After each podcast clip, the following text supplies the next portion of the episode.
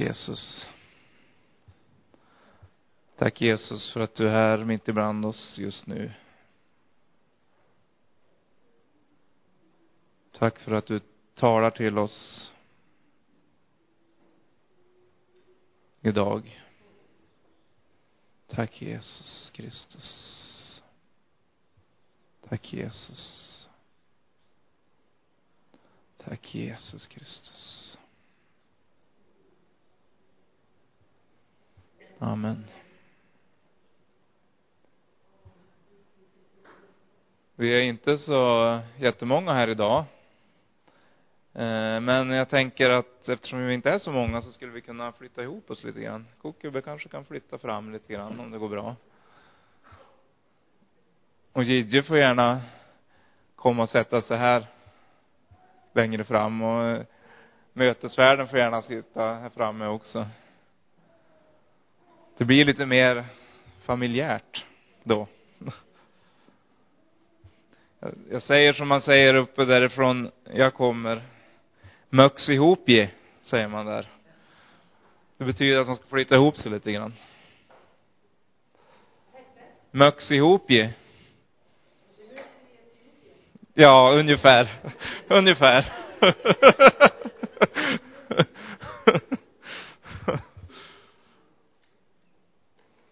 Bra.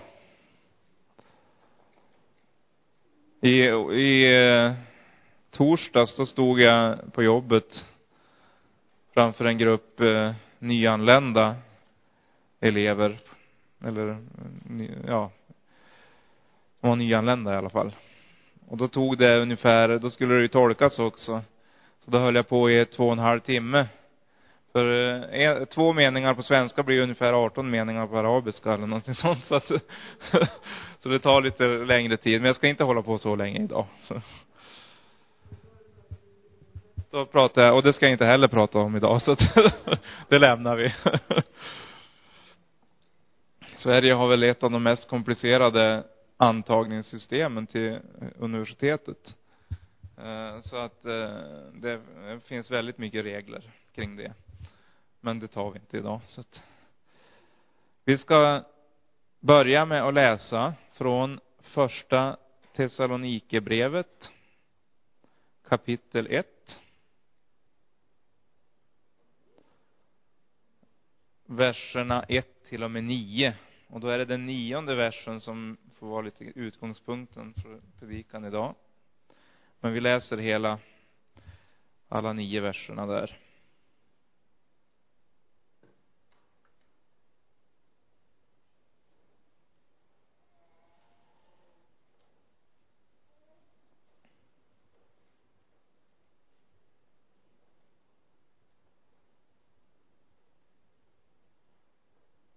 Första kapitlet, vers 1 till 9. Från Paulus, Silvanus och Timoteus till församlingen i Thessalonika som lever i Gud, Fadern och Herren Jesus Kristus. Nåd och frid vare med er. Vi tackar alltid Gud för er alla när vi nämner er i våra böner. Ty inför vår Gud och Fader tänker vi ständigt på er gärning i tron ert arbete i kärleken och er uthållighet i hoppet till vår Herre Jesus Kristus. Vi vet att ni bröder, Guds älskade, är utvalda av Gud. Ty vårt evangelium kom till er inte bara i ord utan i kraft och den helige ande och gav full visshet. Ni vet ju hur vi uppträdde bland er och vad vi gjorde för er. Och ni blev våra efterföljare, ja, Herrens när ni mitt under svåra lidanden tog emot ordet med den glädje som den helige ande ger. Så har ni blivit ett föredöme för alla troende i Makedonien och i Akaja. Ty från er har Herrens ord gett återljud, inte bara i Makedonien och Akaja, utan överallt har er tro på Gud blivit känd så att vi inte behöver säga något.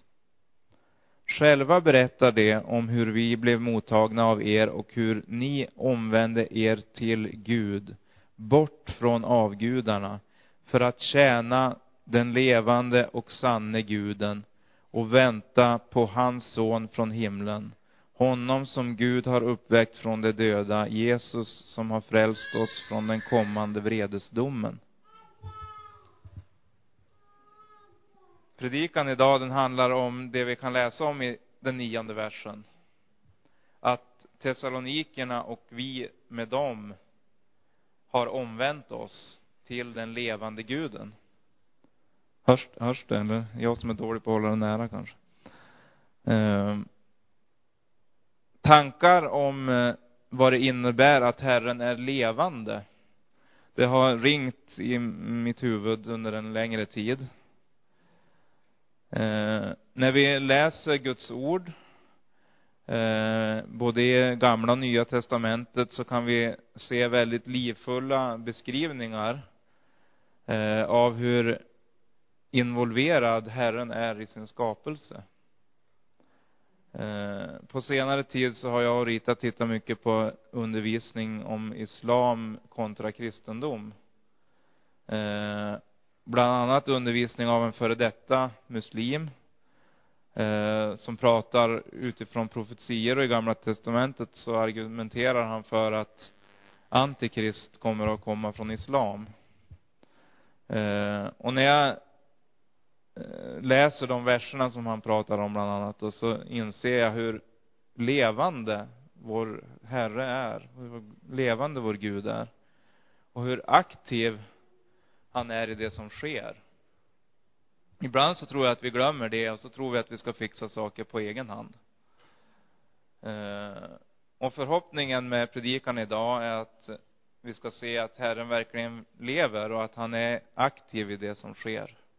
Han har inte övergett oss. Eh, och han är med oss alla dagar in till tidens slut. Vi ska undersöka lite grann av Guds karaktär.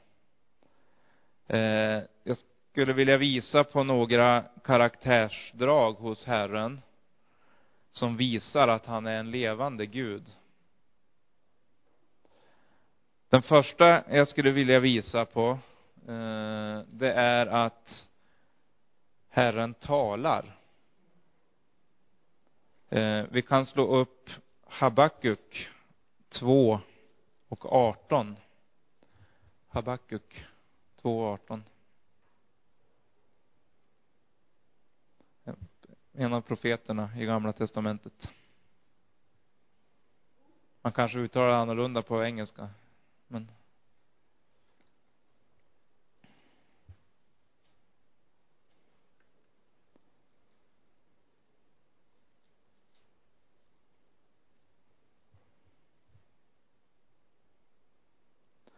Där står det i 18 versen, andra kapitlet. Hittar ni åt? Eller har jag skrivit fel? Gör som David gjorde förra söndagen, hade skrivit för många kapitel i Romarbrevet. Nej, Apostlagärningarna var det kanske. Eller Romarbrevet var det. Ja.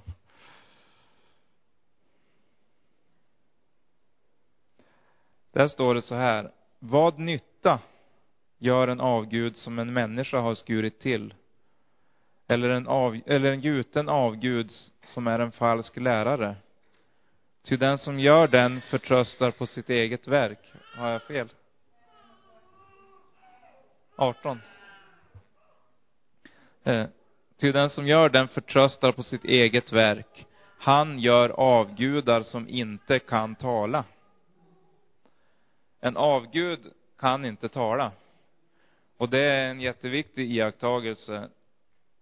Därför det talade ordet från Guds mun, det har en avgörande betydelse genom hela Bibeln. Eh, det är viktigt att förstå vad som händer när Gud talar. Det börjar redan i begynnelsen. I första Mosebok, ni behöver inte slå upp det, eh, första kapitlet där, första tre verserna. I begynnelsen skapade Gud himmel och jord. Jorden var öde och tom och mörker var över djupet och Guds ande svävade över vattnet. Gud sa, var det ljus? Och det blev ljus. Gud talade, Guds talade ord skapar liv. Det verkar inte som att tystnad i sig är Guds väg.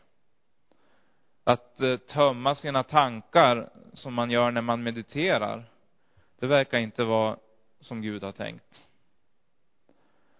Eh, det hindrar ju inte oss eh, från att dra oss tillbaka ibland från världens brus. Men det är ju inte för att söka tystnaden i sig, eller tomheten, precis som buddhisterna gör.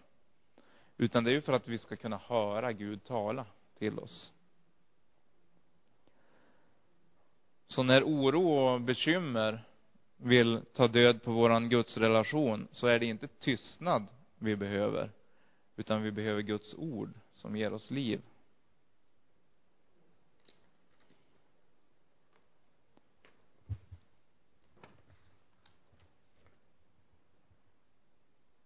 I Hebreerbrevet kapitel 4 och vers 12 så har vi en välbekant passage.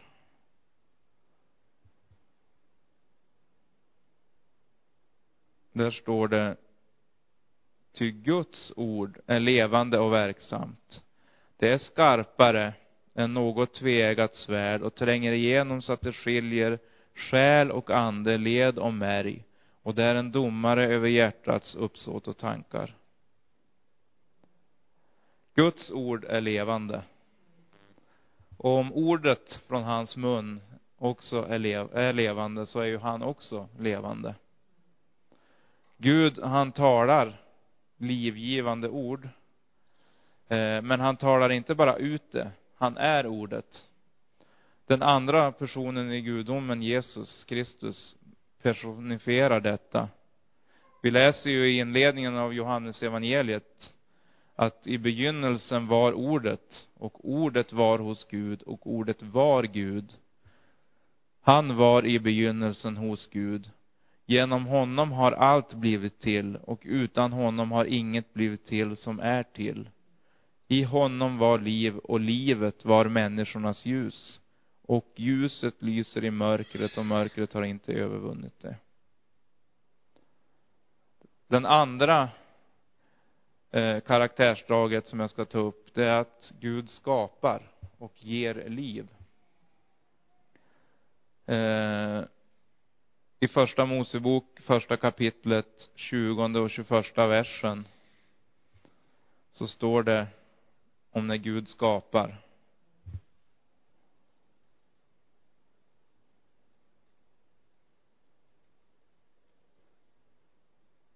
Gud sade, vattnet ska vimla av levande varelser och fåglar ska flyga över jorden under himlavalvet.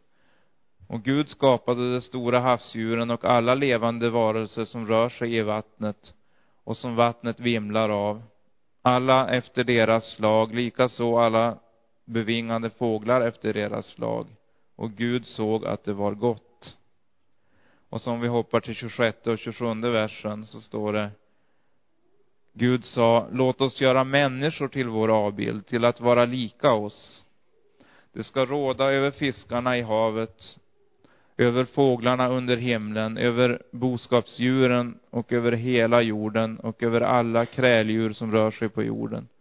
Och Gud skapade människan till sin avbild. Till Guds avbild skapade han henne, till man och kvinna skapade han dem. Och när vi talar om att vi har en levande Gud, så är det här viktigt att tänka på.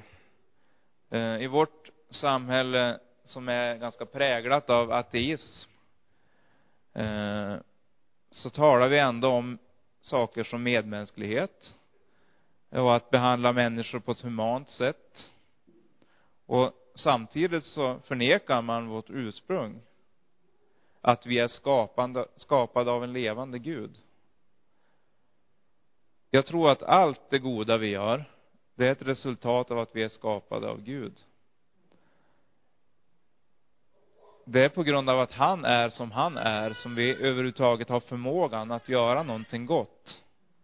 Om vi hade varit resultat av eh, evolutionen, av evolutionära processer, eh, då hade godhet inte existerat. Då hade allting bara varit en kamp för överlevnad. Och att det då för, överhuvudtaget förekommer kärleksfulla och osjälviska handlingar, det är ett bevis på att Gud är en levande verklighet. Vi vet ju att vi har en fiende. Och hans mål, det är att ta liv, inte att ge liv. Jesus beskriver honom som tjuven i Johannes evangeliet 10.10. 10. Han säger, tjuven kommer bara för att slakta, eh, stjäla, slakta och döda. Jag har kommit för att det ska ha liv och liv i överflöd. Och livets ursprung kan ju bara finnas hos någon eller något som lever. Då måste det vara uppenbart att Herren är en levande Gud. I Apostlagärningarnas eh, andra kapitel och 23 vers så har vi också ett bevis för att Herren är en levande Gud.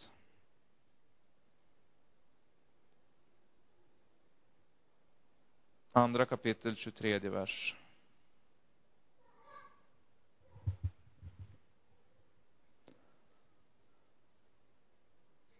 Efter Guds fastställda plan och beslut blev han utlämnad. Och med hjälp av dem som är utan lagen spikade ni fast honom på korset och dödade honom. Men honom har Gud uppväckt och löst ur dödens vånda, eftersom det inte var möjligt att han skulle behållas av döden. Det visar på Guds natur. Han är evig, och det var omöjligt för döden att hålla livets första i sitt grepp. Vi ska komma ihåg att Jesus död möjliggjordes av att Jesus frivilligt gick in i döden. Han gav sitt liv för att vi skulle få liv. Den tredje karaktärsdraget hos Gud som visar på att han är levande, det är att han har ett känsloliv. Eh, ett kännetecken för en person som vi betraktar som livfull är ju dennes känsloliv. Eh, Herren själv, han är fylld av känslor gentemot sitt folk och sin skapelse. Eh, vi, kan, vi ska läsa några ställen som handlar om det. Vi kan börja i fjärde Mosebok 32 och 13. Och det handlar om att Gud kan bli vred.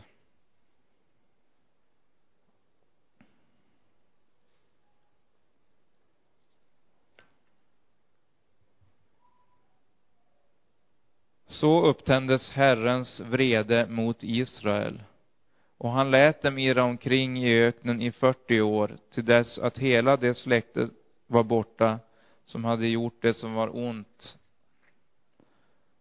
Uh, i Herrens ögon, står det sen ja. Jag hade missat någonting i utskriften där. Eh, nej, ska vi se, där. Det gäller att ha ordning på sidorna också. Vrede, det är ju förknippat med känslor. Och Herren, han är vred över att synden skilt oss från honom. Och att människan valt att gå sin egen väg. Så det har egentligen att göra med Herrens kärlek till oss. Vi kan bland annat i Jesaja 37, vers 32 läsa om hur Herren nitälskar sitt folk. Ni behöver inte slå upp det, jag kan läsa. Ty från Jerusalem skall en kvarleva gå ut, det räddade från Sions berg.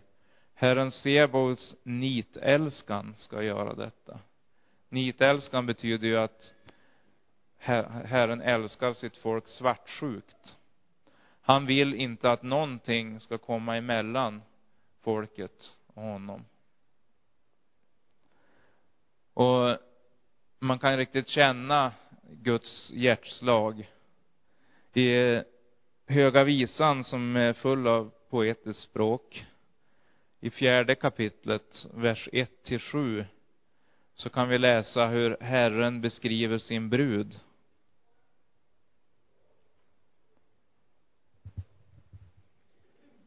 Där står det så här.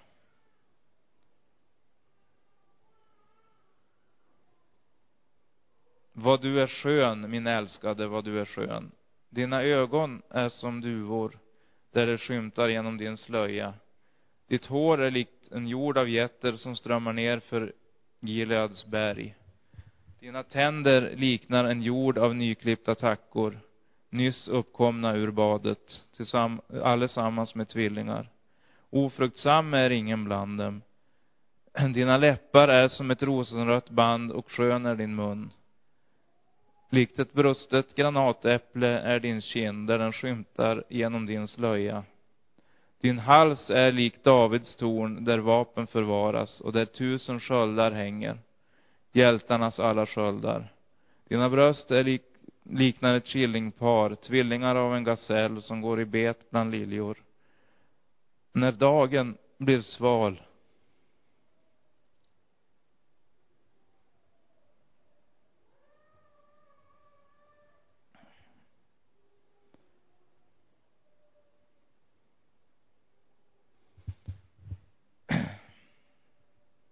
Det är svårt att inte bli rörd av.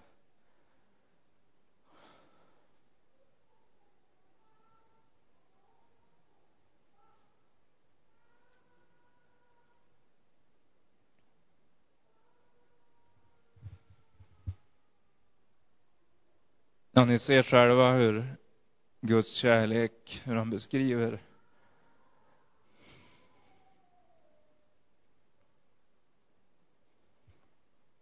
hur han beskriver hur han älskar sitt folk.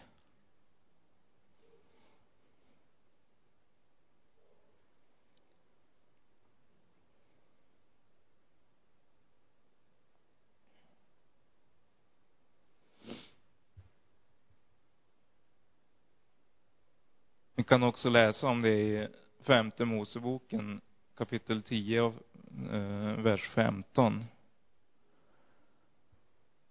där det står, ändå var det just dina fäder som Herren fäste sig vid i kärlek.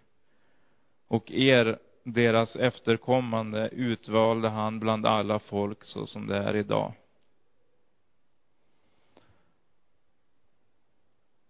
Gud, han är så full av kärlek till oss.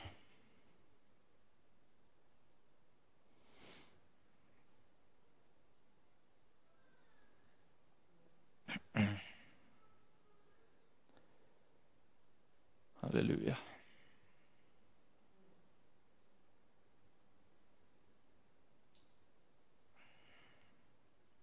Vi kan se andra känslouttryck hos Herren också. I Matteus 28, 26 och 36 så ser vi hur Jesus beskriver sina känslor.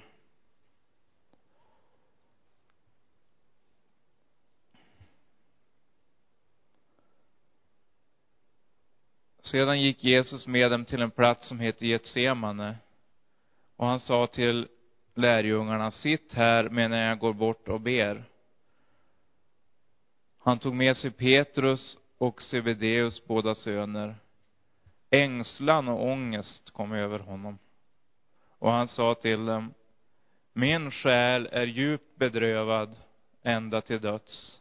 Stanna kvar här och vaka med mig. Herren eh, kan drabbas både av ångest och, och eh, bedrövelse. Den helige ande beskrivs också som en person i gudomen med känslor. Det står i Efesierbrevet om att vi inte ska bedröva Guds helige ande. Men det står också i Romarbrevet 14 och 17. Ty Guds rike består inte i mat och dryck utan i rättfärdighet och frid och glädje i den helige ande. Så Gud är en glad Gud. Det går att säga väldigt mycket om det här, men jag tror att ni har förstått poängen.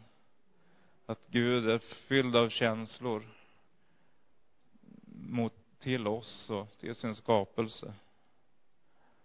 Och det gör honom levande. Det är ju han som har gett oss våra känslor. Och även om vi handskas med våra känslor på fel sätt ibland så är det ändå han som har lagt ner dem i våra liv.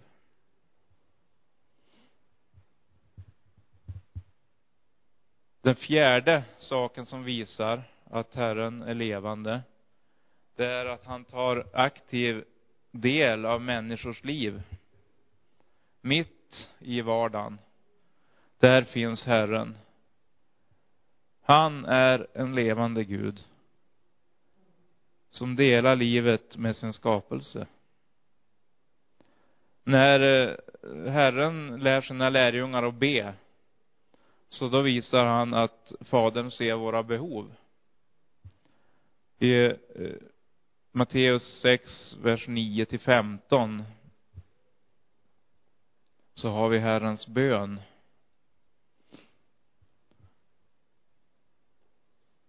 Och säger Herren till lärjungarna, så skall ni be. Fader vår som är i himlen. Helgat blive ditt namn. Komme ditt rike. Ske din vilja på jorden liksom den sker i himlen. Ge oss idag vårt bröd för dagen och förlåt oss våra skulder såsom och vi förlåter dem som står i skuld till oss. Och för oss inte in i frestelse utan fräls oss ifrån den onde. Ty om ni förlåter människorna deras överträdelser skall, skall er himmelske fader också förlåta er. Men om ni inte förlåter människorna skall inte heller er fader förlåta era överträdelser. Vi ska be om bröd för dagen. Ge oss idag vårt dagliga bröd. Det handlar naturligtvis om Guds ord, men det handlar i lika hög utsträckning om våra vardagliga behov. Inte bara om mat, utan om allt vi behöver.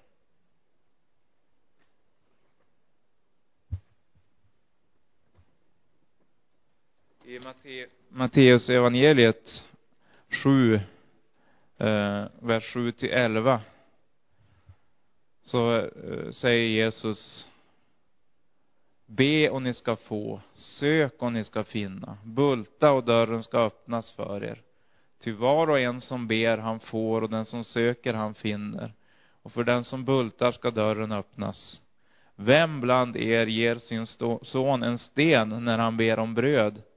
Eller en orm när han ber om en fisk?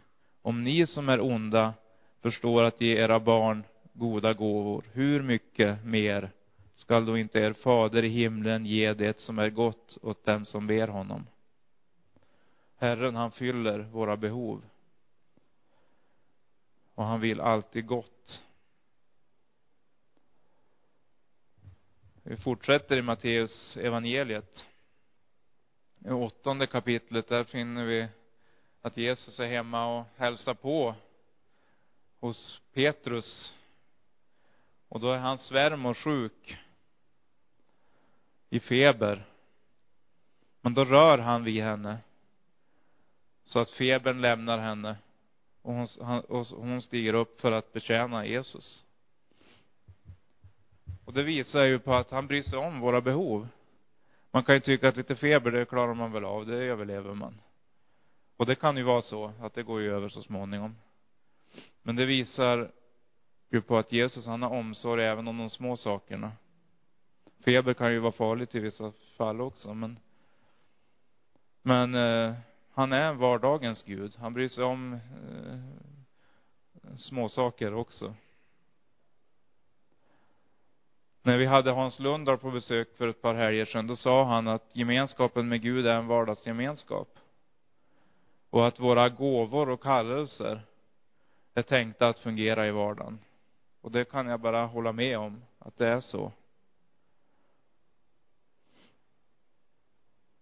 Och att Gud är en levande Gud som aktivt tar del i sin skapelse.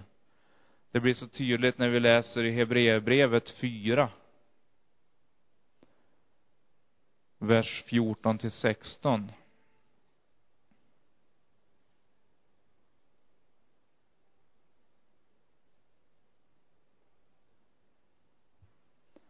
Då vi nu har en stor överstepräst, Jesus, Guds son, som har stigit upp genom himlarna, så låt oss hålla fast vid vår bekännelse. Ty vi har inte en överstepräst som ej kan ha medlidande med våra svagheter, utan en som blev frestad i allt liksom vi, men utan synd. Låt oss därför gå fri, frimodigt gå fram till nådens tron för att få barmhärtighet och finna nåd till hjälp i rätt tid. Att han tog del av våra liv och delade våra villkor, men utan synd. Och att han verkligen är Gud, kommen i köttet, är något som skiljer kristen tro från alla andra religioner. I den romersk-grekiska religionen som fanns på Jesu tid, eh, så fanns det visserligen gudar som var en blandning av Gud och människa. Men de var ju bara halva gudar. Och dessutom så bedrev de ett ganska syndigt leverne. Om man vill påstå, när man läser de historierna. Och i de stora världsreligionerna som vi har runt omkring oss idag, så är det otänkbart att Gud skulle kunna bli människa. Eh, I hinduismen och buddhismens idévärld, så då är det gudomliga, det är så frånskilt från skapelsen. Eh, då ska man ju bara befrias till någon sorts tomhet. Och i islam, så då är en av de viktigaste trossatserna att Gud inte har en son. Men i Bibeln så är Guds närvaro bland människor någonting väldigt, väldigt konkret. Både i Gamla testamentet och Nya testamentet. I Gamla testamentet så har vi ju till exempel eldstoden och molnstoden som följde med folket i ökenvandringen. Och naturligtvis Jesus i Nya testamentet som vandrar mitt ibland oss. Och han vill bistå oss i en vardagsnära relation. Tänkte på till och med andlig krigföring eh, som ju naturligtvis bedrivs mot härskarna och makterna i himlarymderna. Det är vardagsnära egentligen. För det är i vardagens problem och motstånd som makterna visar sig. Och det är då vi ska använda den auktoritet som vi har fått, varken förr eller senare. Och då vi ägnar oss om det så är det, finns det ju vissa saker som är viktiga att tänka på. Vi talar ju om att Gud har gett oss auktoritet. Och Sam pratade om det här i inledningen också. I Lukas 10, 19 till, vers 19 till 20 så står det just om det.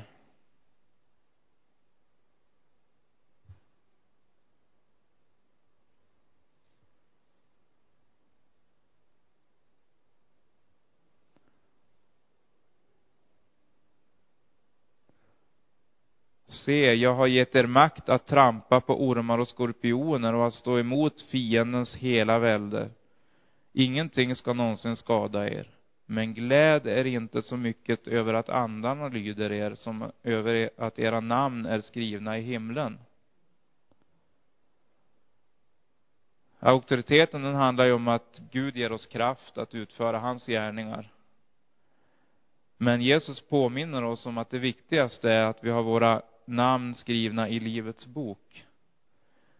Att vi har vår relation till levande Gud klar. Och auktoriteten handlar ju också om att vi handlar på hans befallning. Till hans ära. Han ger oss auktoritet till att tala ut hans ord över människor och situationer för att hans vilja ska ske. Det finns liksom inget magiskt i Jesu namn. Det som präglar stumma och döda avgudar, det är ju att människor som tillber dem, de ägnar sig åt tomma ritualer för att framkalla olika skeenden. Inte ens Jesu namn kan användas i det syftet. Det finns ett exempel från Apostlagärningarna på det. I kapitel 19, vers 13 till 16. Eh, där det var judiska andeutdrivare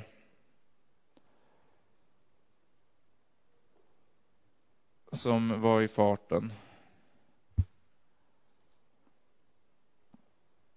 Då står det så här. Några kringvandrande judiska andeutdrivare tog sig också för att uttala Herren Jesu namn över dem som hade onda andar. De sa, jag besvär er vid den Jesus som Paulus predikar. Det var sju söner till en viss Gevas, en judisk överstepräst, som gjorde så. Men den onde anden svarade dem, Jesus känner jag till, och vem Paulus är vet jag, men vilka är ni? Och mannen som hade den onda anden kastade sig över dem, övermannade alla och misshandlade dem så svårt att de måste fly ut ur huset nakna och blodiga. Varför tar jag upp det här då? Jo, därför att all auktoritet bygger på direktkontakt med den levande guden. Har vi inte det så kan det gå som för Skevas söner. Gud har makten och vi är hans redskap. Och eftersom Herren lever så kan vi tryggt vila i att han bistår oss när vi behöver det och att vi får kraft i rätt tid till att utföra hans gärningar. Och det kristna livet handlar ju just om den här relationen till levande Gud. I första Korintierbrevet, sjätte kapitlet, 14, vers 14 till 16. Så står det så här.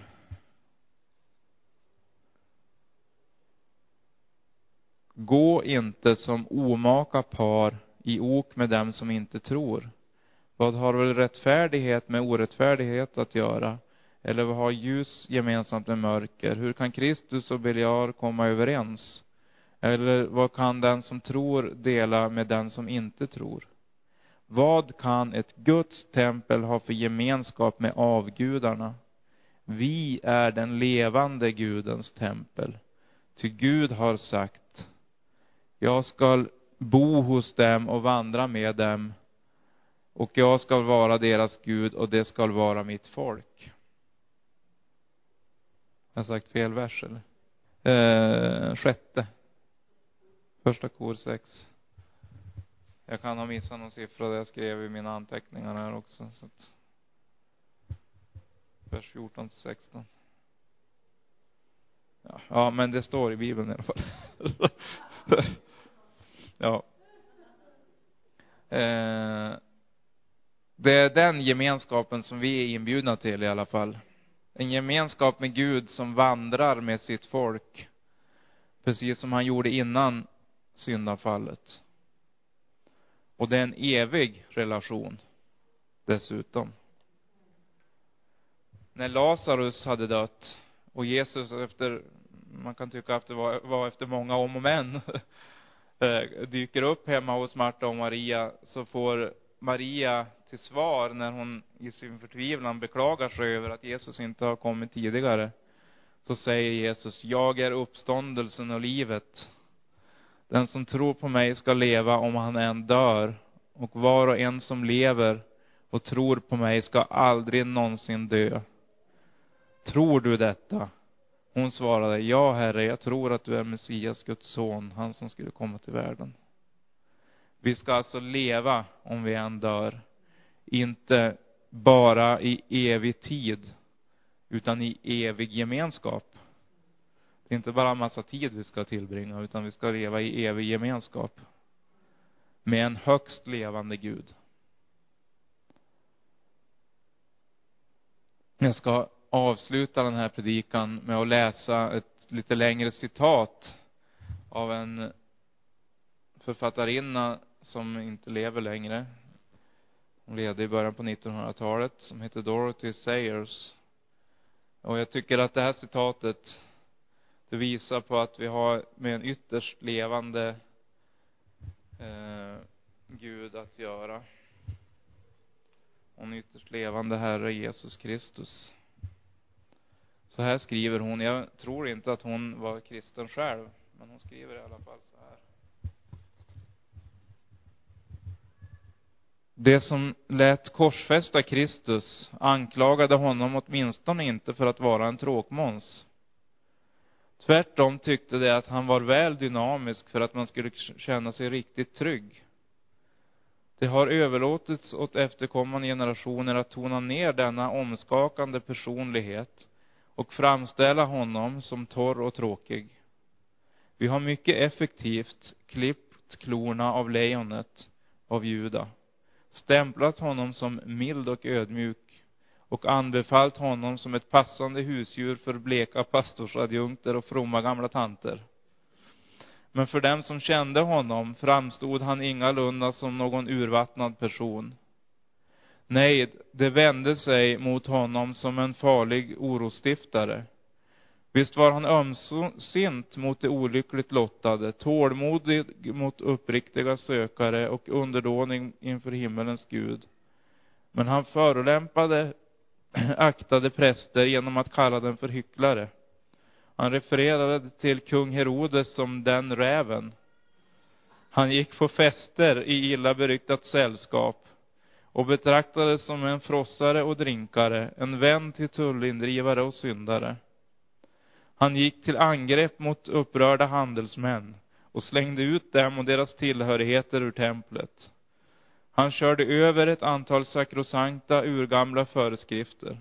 Han botade sjukdomar med olika till bud stående medel och visade en chockerande likgiltighet inför andras svinjordar och egendom. Han visade inte tillbörlig respekt för rikedom eller samhällsställning. När man försökte sätta dit honom med spetsfundiga frågor gav han prov på en paradoxal humor som förnärmade allvarligt sinnade personer. Och han kontrade med att själv ställa obehagligt ransakade frågor som inte kunde besvaras på en höft. Han var sannerligen ingen tråkig person under sitt liv här på jorden. Och om han var Gud så kan inte heller Gud vara tråkig. Hans liv präglades däremot av en vardaglig skönhet som gjorde oss fula och myndigheterna upplevde att den rådande ordningen bevarades bättre utan honom. Därför gjorde de sig av med Gud för att få lugn och ro. Jag tycker att det beskriver Gud väldigt bra. Han är levande. Halleluja. Tack Jesus för att du är här. Tack för att du lever. Tack för att du är uppstånden. Tack Jesus, jag prisar dig. Vi vill lova och ära ditt namn. För det finns ingen mer levande än du. Alla andra gudar som människor försöker skapa, alla ideologier, allting som vi i egen kraft försöker bygga upp, det är ingenting mot dig. Tack Jesus för att du lever mitt ibland oss. Du går här fram precis som du gjorde en gång i tiden, så finns du här och du vill röra vid oss just nu, Herre. Jag prisar dig, Herre. Jag prisar dig och tackar dig. Prisar dig, Herre. Tack Jesus Kristus. Vi vill lovsångarna komma fram så sjunger vi ett par sånger till. Sjung till Jesus av hjärtat. Sjung till Herren som lever. Tack Jesus. Tack Jesus.